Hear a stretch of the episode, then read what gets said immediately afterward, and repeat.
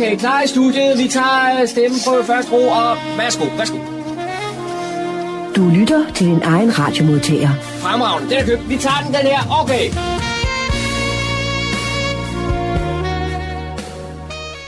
Med det siger vi så goddag og rigtig hjertelig velkommen til programmet, der hedder Morgenkrøden.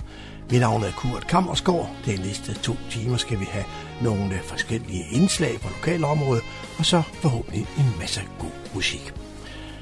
Øh, her disse tider, hvor det er så varmt, jamen der, der kan vi alle sammen trænge til en is. Og det kunne John Marco også forleden dag, han var ude og cyklede en tur. Så han kom forbi Nedborg og Humlebæk Mikromejeri og gik ind for at fik en lille snak med for at høre, hvordan det gik med issalget her i sommerferien. Så har han også besøgt fyrskibet Gæsse Rev, som ligger inde i øh, Helsingør Havn. Her fortæller en af de frivillige om, øh, om fyrskiber og fyrskiber i al almindelighed. Og vi skal også høre om øh, de mange frivillige, der arbejder ind på det gamle skib derinde. Det er et indslag, som vi også kommer her i løbet af formiddagen. John Marco har også talt med Svend E. Christiansen. Uh, han, er, han har i mere end 25 år været ansat i forsvaret. Det meste af tiden inden for jægekorpset. Hvad de kan få at snakke om, det hører vi mere om her i løbet af formiddagen. Velkommen til Morgengrøden. Rigtig god fornøjelse de næste to timer.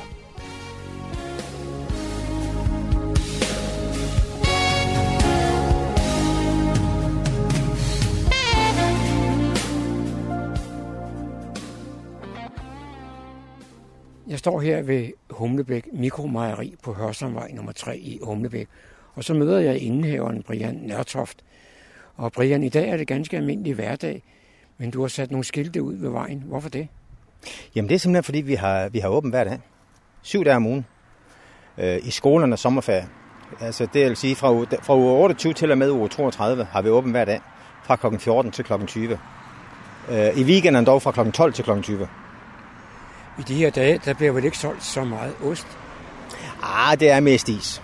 Men altså, der er, der er folk, der kommer fra, fra efter, efter osten også. Heldigvis for det der. Er der, er der meget tilstrømning? Jo, det er det. det, er det. Altså, her, her midt på dagen, der kommer der rigtig mange mennesker. Det er skønt. Om aftenen kommer der ikke ret mange mennesker. Men, men, men her fra klokken 2 til klokken, klokken 17, der er der sådan en, en lindstrøm, som man siger. Er det folk, der kender stedet i forvejen, eller er det folk, der rent spontant ser din, øh, dine skilte? Øh, ja, der tror jeg, det er halvt, halvt om halvt. Altså 50 procent, de kører efter det, og så er der 50 procent, som, som ser min, min skilte, der er åben. Hvor, hvor længe har mikromejeriet kørt nu? Jamen, det, det er andet år. Vi, start, vi havde åben hus, et kæmpe åben hus arrangement i påsken sidste år, og har så haft åben om sommeren. Mejeriet har kørt hele året, men, men, men ikke med regelmæssige åbenstider. Men det ser ud til at fungere? Ja, det gør det. Helt bestemt. Vi laver nogle gode produkter, men de bliver, så, de bliver ikke solgt her. Dem sælger vi på vores butik på, på Strandevejen i Humlebæk. Det var John Marco, der havde produceret dette indslag. Jeg sidder her på havnen i Helsingør og er gået ned på fyrskib nummer 17. Og så møder jeg Nils Rudberg. Nils, hvorfor sidder du her? Ja, hvorfor sidder jeg her? Jeg prøver at hjælpe lidt til med at restaurere skibet og bringe det i orden, så det kan virke som, som museumsskib og tiltrække publikum. Og hvad er din baggrund for det? Baggrunden? Øh, en tid til søs. Jeg sejlede i tre år, og derefter blev jeg ingeniør og beskæftigede mig med øh, design og konstruktion af skibsradioudstyr og gjorde det gennem det meste af min karriere. Så jeg har altså stadigvæk en forbindelse til søfarten og søfarts øh, øh ting, skibe og så videre. Og det glemmer man ikke. og kan man så hjælpe et eller andet sted, så, så gør man det gerne. Jeg startede med at sige, at vi sidder her på fyrskib nummer 17. Kender du noget til fyrskibenes historie? Ikke så forfærdeligt meget. Altså jeg ved, at øh, man startede, øh, og vi skal helt tilbage i 1700-tallet, hvor de første fyrskibe kom. Og det var jo skibe, det var sejlborne skibe. Skibet her har båret sejl i øvrigt i sin tid. Det blev bygget i 1896, Og det første sted, det, det lå, var, var for øvrigt ved Lappegrunden her ved Helsingør. Så senere flyttede det til, øh, til Gedserøv og lå der i øh, resten af tiden indtil øh, omkring 1970. Jeg mener, jeg kan huske, at det har ligget ved, kaj, ved kajen i Nyhavn. Det har ligget ved kajen i Nyhavn, ja. Altså i 70 kom det øh, til Nyhavn og var i Nationalmuseets varetægt og hjulpet af donationer fra eksempelvis øh, Mærskfonden. Og øh, det gik desværre sådan, at man ikke, man ikke vedligeholdt skibet rigtigt. Et træskib kræver meget vedligeholdelse og pasning, og det forsømte man. Og så efter mange år, så efter cirka 40 år i Nyhavn og forfald, så øh, fandt man altså ud af, at nu skulle det væk fra Nyhavn. Og det endte altså som sagt her i Helsingør. Efter at fyrskib nummer 17 er kommet tilbage til Helsingør, hvem er det så, der ligesom står for det? Det er en, øh, for at sige det pænt, en blandet forretning. Øh, der er Museet for Søfart, som er en af parterne. Helsingør Kommune er, er også i billedet. Og øh, så for ikke at, at glemme det væsentlige, så er der en skare frivillige mennesker, der altså hjælper med at vedligeholde og passe skibet. Når man skal vedligeholde sådan et, et skib som det her, så kræver det jo mange forskellige discipliner. Åh oh ja, åh oh ja, det gør det. Altså hvis, hvis vi kigger på det, der er min, øh, mit fag, så, så er det sådan, at det radioudstyr, der var på skibet, det var allerede, da skibet blev lagt i, i havn i Nyhavn, der var det forældet. Og, og det, det er altså ubrugeligt i dag. Det, det kan ikke leve op til øh, kravene i dag. Så der er ikke noget spændende der. Men der er en, øh, en, en anden ting, og det er træværk kræver løbende vedligeholdelse. Og der er virkelig uh, opgaver for de, der, der tager sig af den del af det med vedligeholdelse af træværket. Så vidt jeg har forstået, så er I ligefrem dannet et lav, der tager sig af fyrskibet. Det er rigtigt, det er rigtigt. Øhm, og øh, et lav er jo en, øh, en forsamling af mennesker, der har et interessefællesskab. Og øh, det er ikke for, formelt som en forening er, hvor man skal have en bestyrelse og formand og så videre. Det er lidt løsere rammer. Men der er en masse dejlige mennesker, man kan arbejde sammen med, som man har et, et, et fællesskab med. Og laver et stykke arbejde og hygger os også. Hvor mange er I i lavet? Hmm. Ja, det er, det er lige ved at være et uartigt uh, spørgsmål. Øh, da skibet kom til Helsingør, der var der cirka 40 mennesker, som ville være med i lavet og så videre.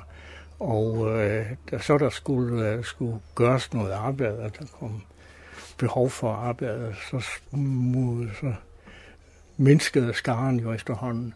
Og nu er vi vel, øh, ja, skal vi, skal vi pænt sige til 12 mennesker, som er aktive i den sammenhæng. Du sagde, at skibet her på et tidspunkt har gået for sejl, men det har det vel ikke gjort i, i, i den sidste tid? Nej, nej, nej, nej.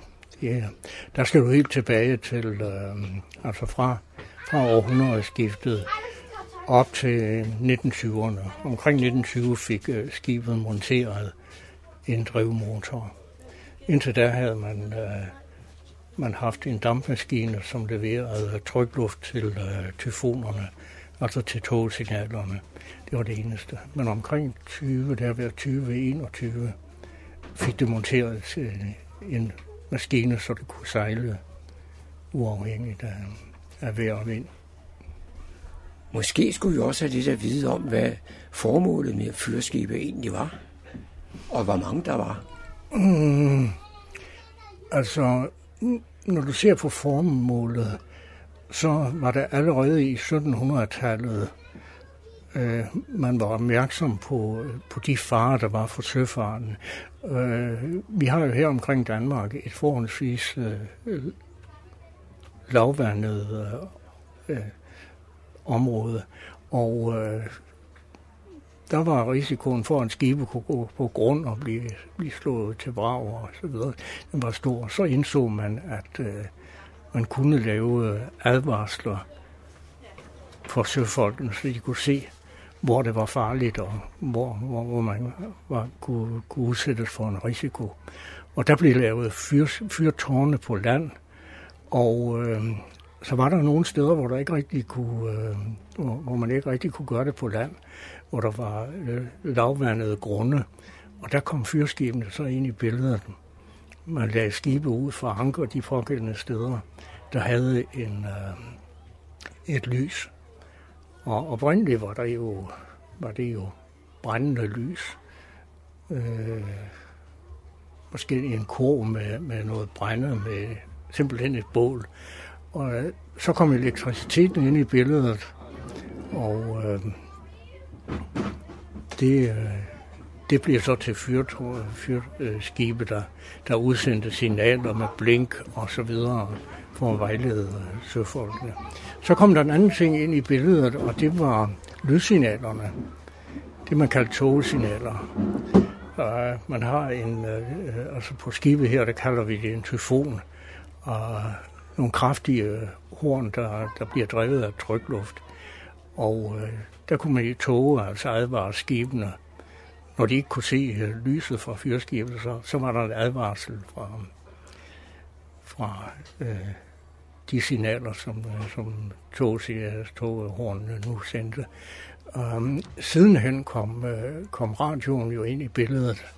Man, øh, man satte en radiosender ombord i, i fyrskibene, så at øh, sejlende skibe kunne med, med, med pejlemodtagere kunne pejle sig ind på uh, altså en retning mod fyrskibet og, og dermed være med til at, at bestemme deres position.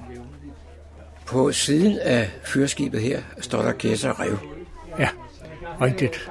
Det var, det var den position, det lå på. Det var af hensyn til forbisejlende skibe, at de kunne sikre sig, at det nu var det, den pågældende position og så videre. Men altså, egentlig hedder, har skibet bare et nummer. Det hedder fyrskib nummer 17. Og der var, så vidt jeg husker, i alt 21 fyrskibe. Og hvor mange af dem lever i dag? Ikke ret mange. Jeg tror, der er et par stykker. Der ligger et i uh, Æbeltoft, fyrskib 21, og der ligger noget over i uh, Esbjerg. Uh, og udover det, så, så er der forskellige af de gamle fyrskibe, der er bygget om og, og bliver brugt til beboelse og så videre. Men altså de, der, der, der, der står i dag som museer, det er i hvert fald de tre, jeg, jeg kender. Nu er det her jo en interesse for jer gutter, der går her. Hvor meget tid bruger du selv på det? Jeg har ikke prøvet at tælle det. Det er mange timer. Dels på skibet og dels derhjemme, hvor jeg har taget dele af udstyret med hjem og og reparere det. Og... Så der går meget tid. Fyrskibet her er jo afhængig af frivillig arbejdskraft. Og nu fortalte du, at I ikke er særlig mange. Kunne I være flere? Vi kunne absolut være flere. Der er masser af opgaver, som, øh, som skal løses. Så alle, der var, ville være interesseret i at give en nap med, er meget velkomne. Og hvad gør man, hvis man vil være med? Um, eksempelvis komme ned i havnen på fyrskibet om mandagen. Der er altid nogen, der arbejder på det tidspunkt. Jeg tror, det er kl. 13, der er åbent for, for de, der er interesserede. Og der er andre dage, hvor, hvor fyrskibet er åbent for, for publikum som sådan. Men altså mandagen, der, der ser vi gerne interesserede, som, øh, som kunne tænke sig måske at give et hånd med.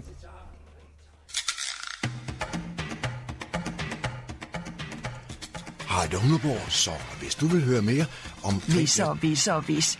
Hvis der var pant på toiletpapir, eller Torgild Thyring var buschauffør. Hvis og hvis og hvis.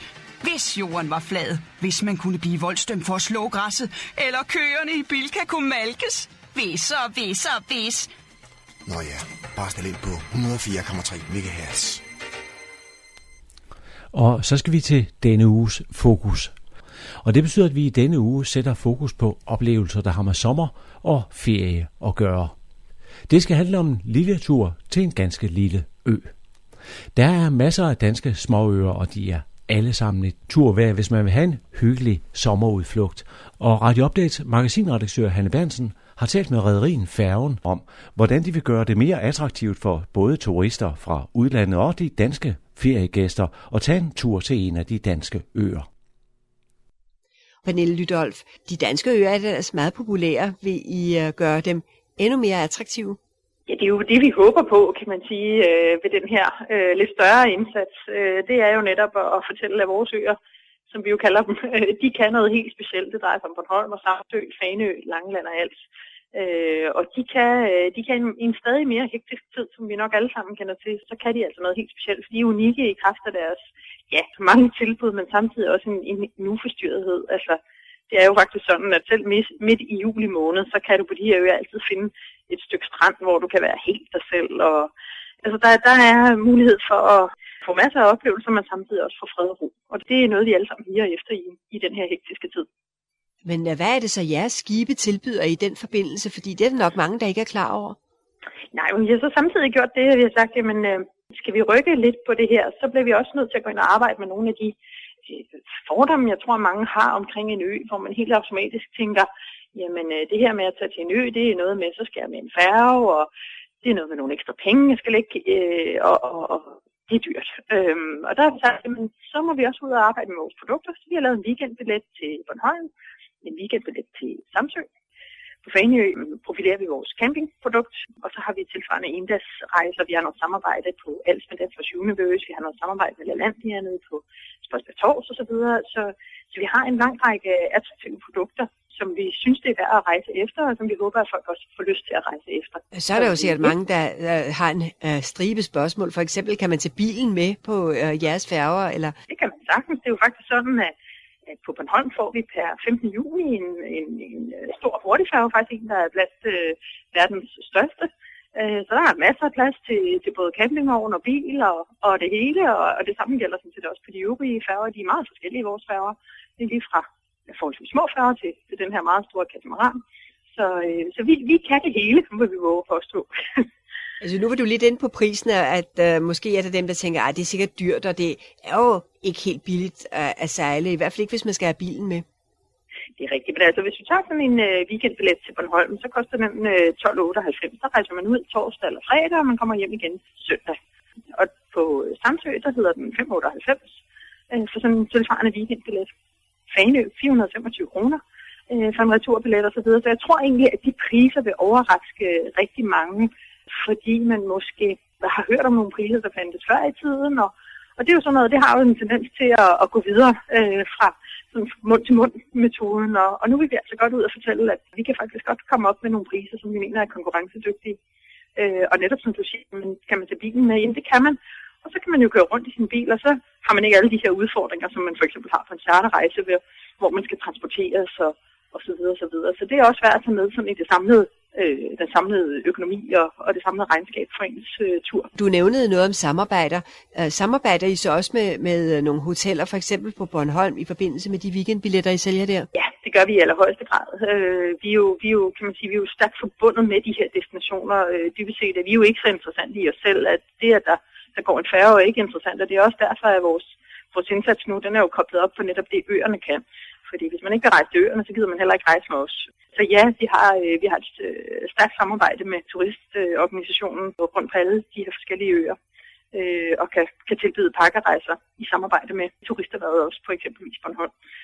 Så der er mange gode tilbud også at finde øh, eksempelvis på den hjemmeside, der hedder bornholmhurtigt.dk, vi også, som vi også reklamerer for i, i den her indsats. Forklaret Pernille Lydolf, der er marketingchef i Rederiet Færgen. Og hvis nogen synes, de ikke har hørt om rederiet Færgen før, jamen så er det også en ganske ny konstruktion. Det er nemlig en fusion imellem Bornholmstrafikken, Sydfynske og danske færger. Ja, sådan lød det altså, da Hanne Bernsen for i år talte med Rederiet Færgen om den indsats, de gør for at få os til at tage en tur til en af de danske øer. Interviewet var altså lavet for to år siden. Øerne, de ligger stadigvæk, hvor de plejer, og priserne, de har som end heller ikke ændret sig så meget. Så savner man en idé til, hvad man skal foretage sig en god dansk sommerdag, så kan man måske besøge en af færgeruternes netsider, eller gå ind på øernes netsider og kigge efter, hvad der er muligheder og tilbud på øer og færger. Jeg sidder her i et dejligt grønt område sammen med Svend Erik Christiansen. Og Svend Erik, hvad, hvad er du for en størrelse?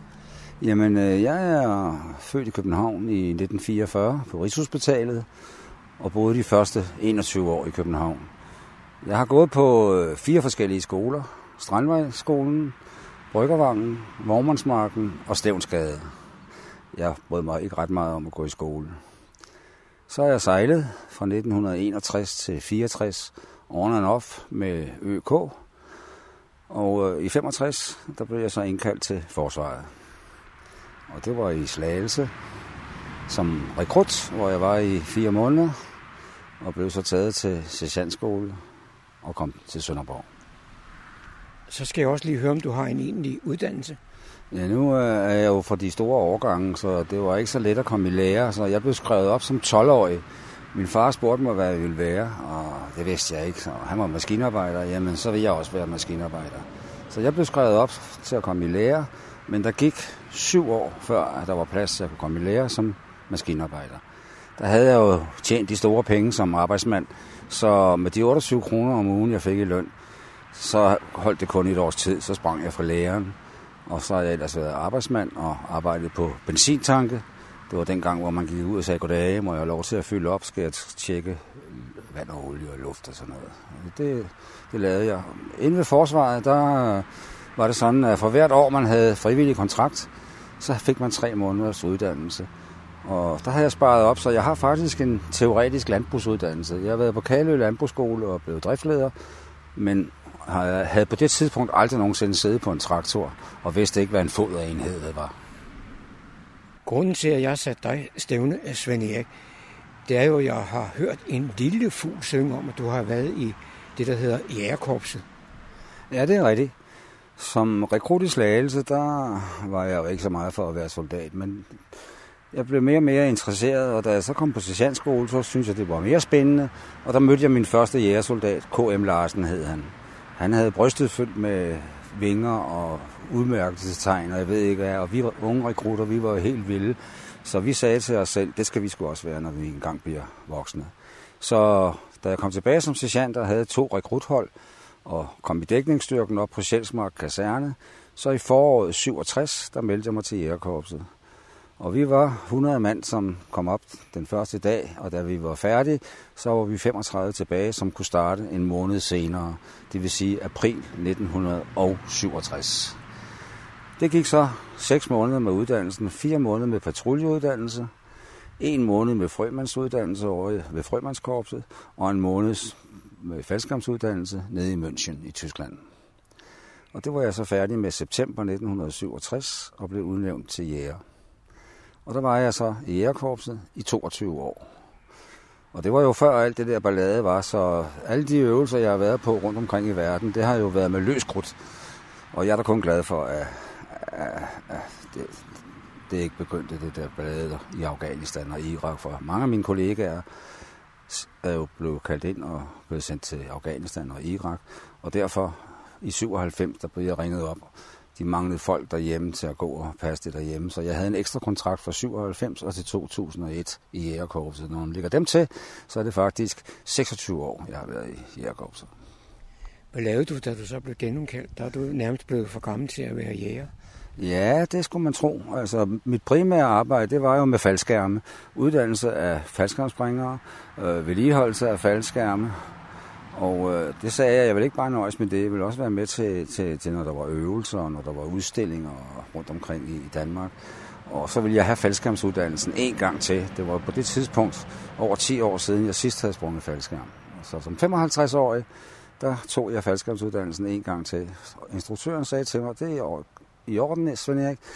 Hvis du øh, kan klare kravene, de fysiske krav, så får du også uddannelsen. Og som 55-årig, der klarede jeg de fysiske krav og fik hele fritfaldsuddannelsen en gang til. Og det var så i 99, hvor jeg sluttede af med fritfaldsspring op på flyvestation Værløse fra cirka 10 km højde. Hvordan er det så, når man er færdig med at være jæger? Er man så stadigvæk faldskærmsudspringer og har det som en slags hobby? Nej, det har jeg ikke. Det er der mange af mine tidligere kollegaer, der har. Det har jeg ikke. Det er en saga blot. Der er, jeg kender, har et par kammerater oppe i Nordjylland, som er piloter, som tit har inviteret mig op og sagt, så kan du springe fra os af, men det er aldrig blevet til noget. Jeg tror, jeg har foretaget mit sidste spring. Men jeg har tidligere kollegaer. En Michael Petersen, han springer stadigvæk, og han er over 60 år. Han har nok 20.000 faldskærmspring. Der er altså nogen, der bliver ved, men det er slut for mig. Det vil sige, at du har brugt cirka 25 år af dit liv på, på forsvaret. Ja, det har jeg. Men du må også have foretaget dig noget efter du stansede. Ja, det er rigtigt. Altså, jeg, jeg må indrømme, at da jeg blev hjemsendt, så troede jeg, hvad nu? Er mit liv slut?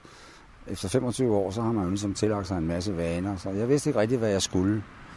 Og jeg havde på det tidspunkt en kæreste, der tjente gode penge, så jeg gik frivilligt derhjemme og hyggede mig, og havde en motorsejler op i Sæby og lå og sejlede lidt rundt ude i Kattegat og sådan noget. Men i, i 1991, der, et, to år efter jeg blev hjemsendt, der søgte jeg ind på Jørgen Mageri, og var der i ni år som mejeriarbejder. Og jeg var 47 år, og jeg troede ikke, jeg kunne få noget at arbejde med. Der var ingen problemer. Jeg var der så i ni år, og så flyttede jeg til Sjælland i 99. Og der kom jeg på Koloplast i Esbjerg, og der var jeg i 10 år, indtil jeg blev fyret på grund af, at Koloplast udflyttede deres ting til, øh, til Ungarn, så jeg blev fyret. Jeg lovede, at jeg kunne være der til jeg var 70, men som 67-årig, der stoppede jeg og gik på folkepension. Men øh, jeg kunne ikke holde ud og gå hjemme, så jeg har der stadigvæk det små ting, jeg går og med. Jeg har været i et vikarbyrå og har været ved Elstil i Helsingør. Og i øjeblikket, der går jeg som alt mulig mand ud på Humlebæk Mikromæreri. Men øh, sådan en flot fyr som dig, du har vel ikke kunne leve livet helt alene? Nej, det er rigtigt nok. Altså, de sidste par år har jeg levet alene. Jeg har været gift en gang, men det er 40 år siden. Jeg har det bedst, når jeg, øh, når jeg selv kan bestemme, hvad det er, jeg vil lave. Og øh, jeg har der, selvfølgelig har jeg nogle veninder, som jeg ser en gang imellem, går i biografen med, og spiser med, og griller med og sådan noget. Men øh, stort set, så er jeg alene i dag. Og det har jeg, jeg har ikke boet sammen med nogen siden 1991.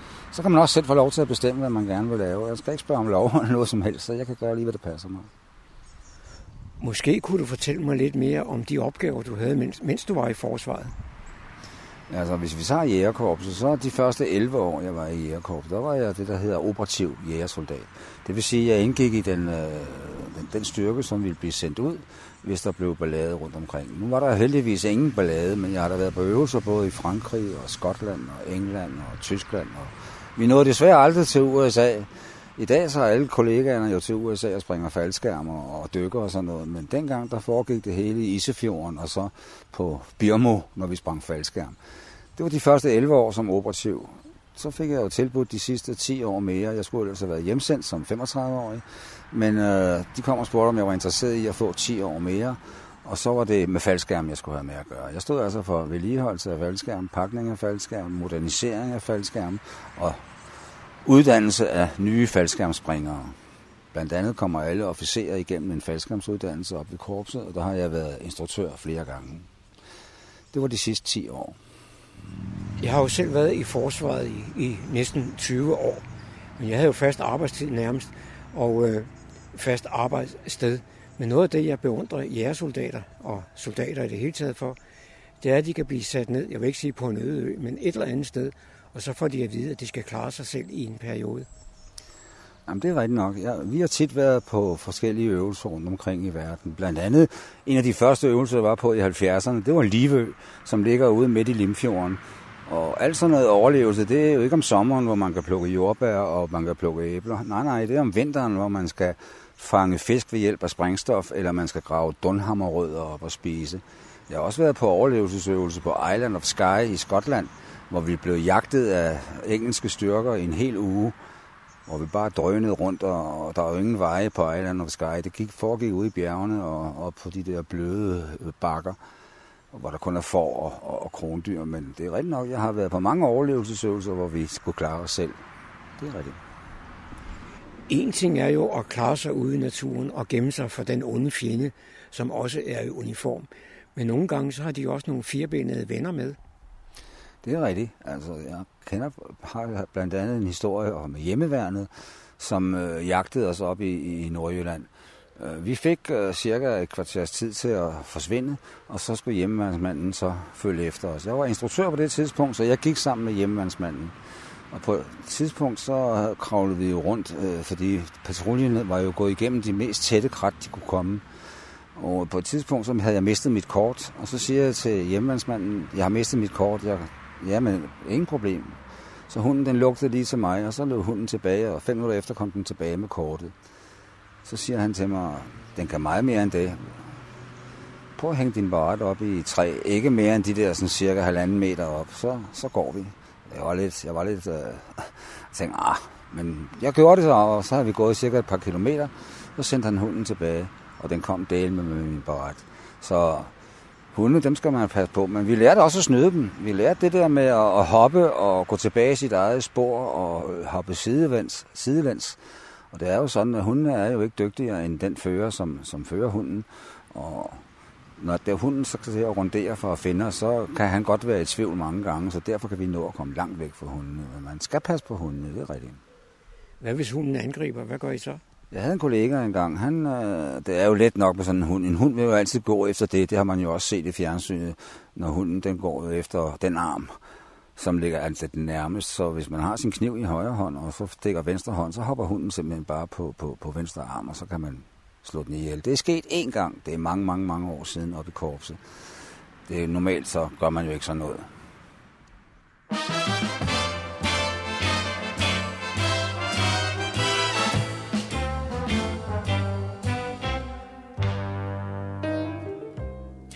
Du lytter til et program, der hedder Morgenkrøden. En hver lighed med nogen anden eksisterende radioprogram må sige at være ren helt.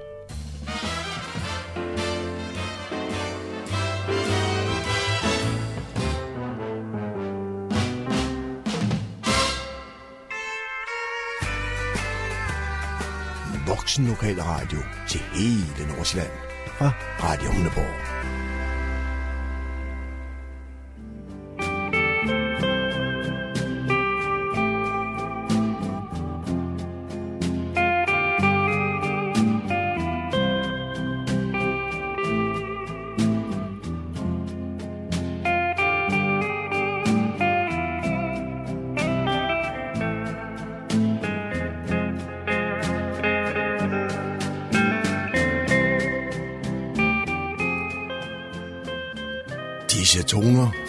Os, at vi er nået til afslutningen på denne uges udgave af programmet, der hedder Morgenkrøden. Her fra redaktionen, som består af undertegnet, jeg hedder Kurt Kammersgaard. Ja, der siger jeg tak for nu, og på genhør en anden god gang.